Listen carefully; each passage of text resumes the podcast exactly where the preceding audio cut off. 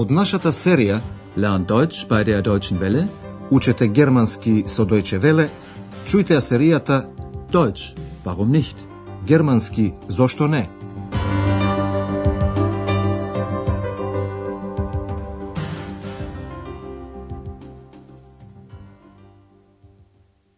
Liebe Hörerinnen und Hörer.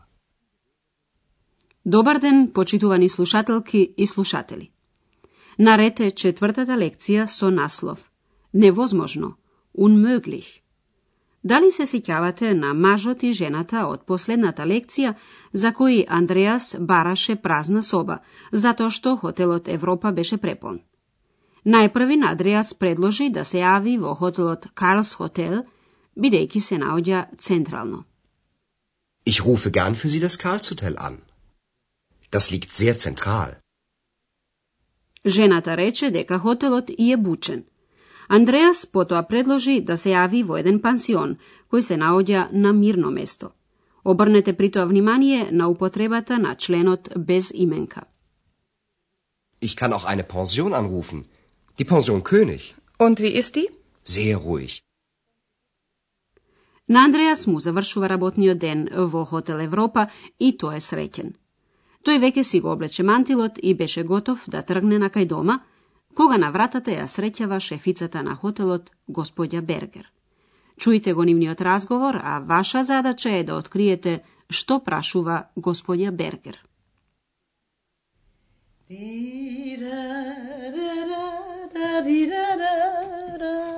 Hallo, Herr Schäfer.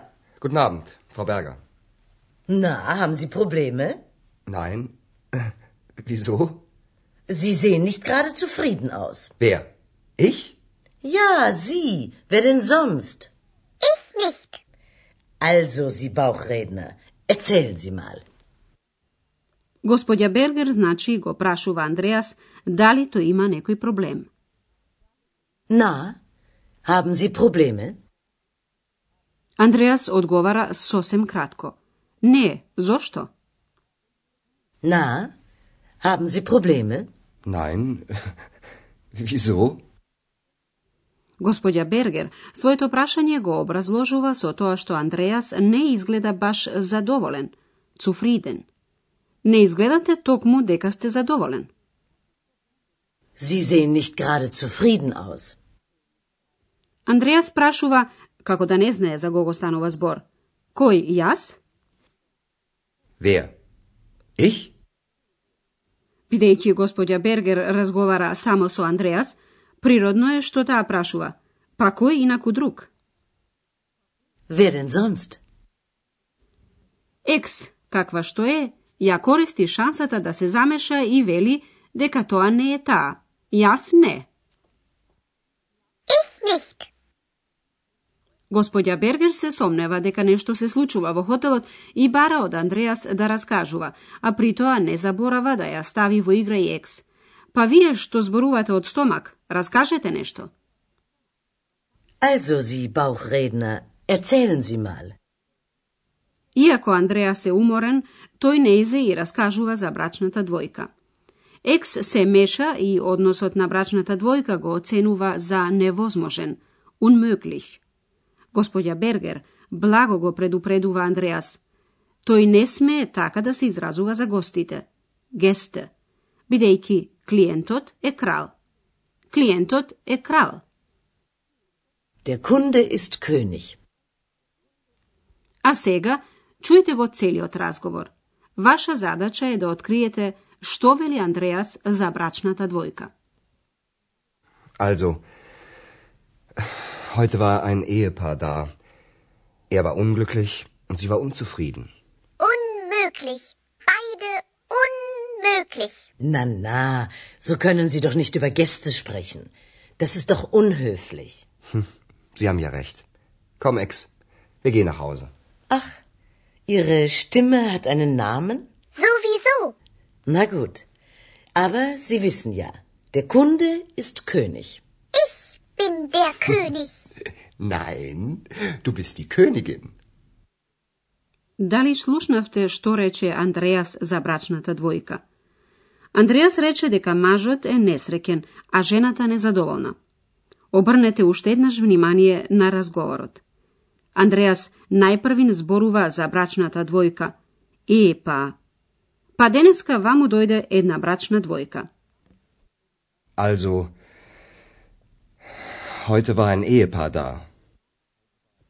Андреас мажот го карактеризира како несреќен, unglücklich, а жената како незадоволна, unzufrieden. Er war unglücklich und sie war unzufrieden. Екс и двајцата, Бајден, ги смета за невозможни. Невозможни, и двајцата невозможни. Unmöglich. Beide unmöglich. Господја Бергер се меша полушеговито. Па, па, така не можете да зборувате за гостите. Na, na, so können Sie doch nicht über Gäste sprechen. Во секој случај таа има право, што го потврдува и Андреас. Вие имате право. Sie haben ja recht. Андреас е мош неизморен, инаку некој се обратеше на екс така директно во присуство на господја Бергер. Таа шеговито вели. А, вашиот глас има име. Ach, Ihre Stimme hat einen Namen?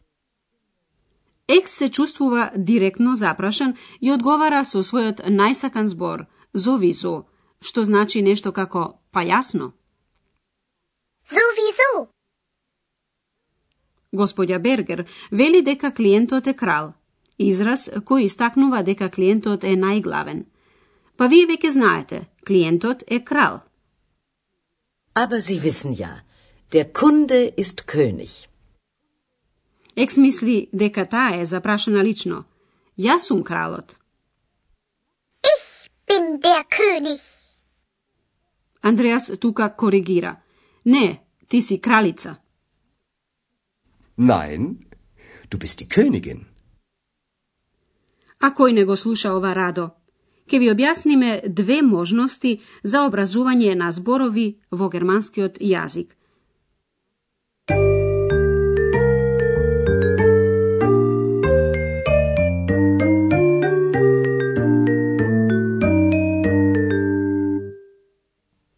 Почнуваме со придавките незадоволно, несрекно и неучтиво. Unzufrieden. Unglücklich. Unhöflich. Овие придавки имаат префикс un. Префиксот тука служи за давање спротивност на придавката. Првобитното значење се негира. А сега да чуеме придавки со првобитно значење и нивното негирање со префиксот un. Zufrieden. Unzufrieden. Glücklich. Unglücklich. Höflich. Unhöflich. А сега за именките. Кај некои именки, што означуваат лице, на именката од машки род се додава ин. На овој начин јасно означуваме дека станува збор за лице од женски род. Во поговорката клиентот е крал, се говори за крал. Der König. Der König. Андреас и вели на екс дека е кралица. Die Königin. Die Königin. Многу луѓе, а особено и природно жените, бараат за жените и помладите девојки да се употребува формата во женски род. Една жена не прашуваме дали таа е штудент, туку дали е штудентин. Sind Sie Student? Nein, ich bin Studentin.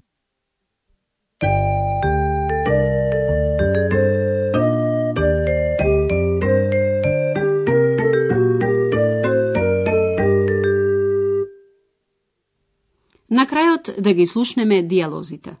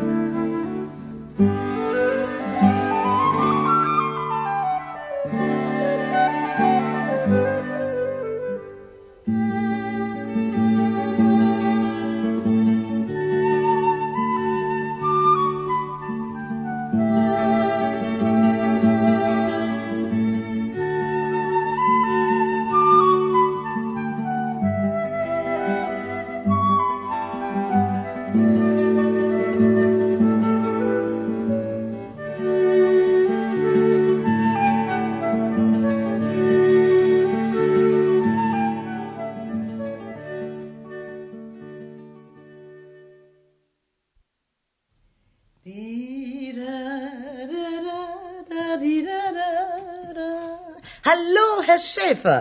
Guten Abend, Frau Berger. Na, haben Sie Probleme? Nein. Wieso? Sie sehen nicht gerade zufrieden aus. Wer? Ich? Ja, Sie. Wer denn sonst? Ich nicht. Also, Sie Bauchredner, erzählen Sie mal. Андреас раскажува за брачната двојка и е предупреден дека клиентот е секогаш крал. also, heute war ein Ehepaar da. Er war unglücklich und sie war unzufrieden. Unmöglich. Beide unmöglich. Na, na, so können Sie doch nicht über Gäste sprechen. Das ist doch unhöflich. Sie haben ja recht. Komm, Ex, wir gehen nach Hause. Ach, Ihre Stimme hat einen Namen? Sowieso. Na gut. Aber Sie wissen ja, der Kunde ist König. Ich bin der König. Nein, du bist die Königin. За денеска толку и до слушање до наредната лекција. Die Hörerin ist Königin. Auf Wiederhören. Тоа беше германски зошто не? Радиоговорен курс на Херат Мезе во продукција на Дојче Веле и на Гетовиот институт од Минхен.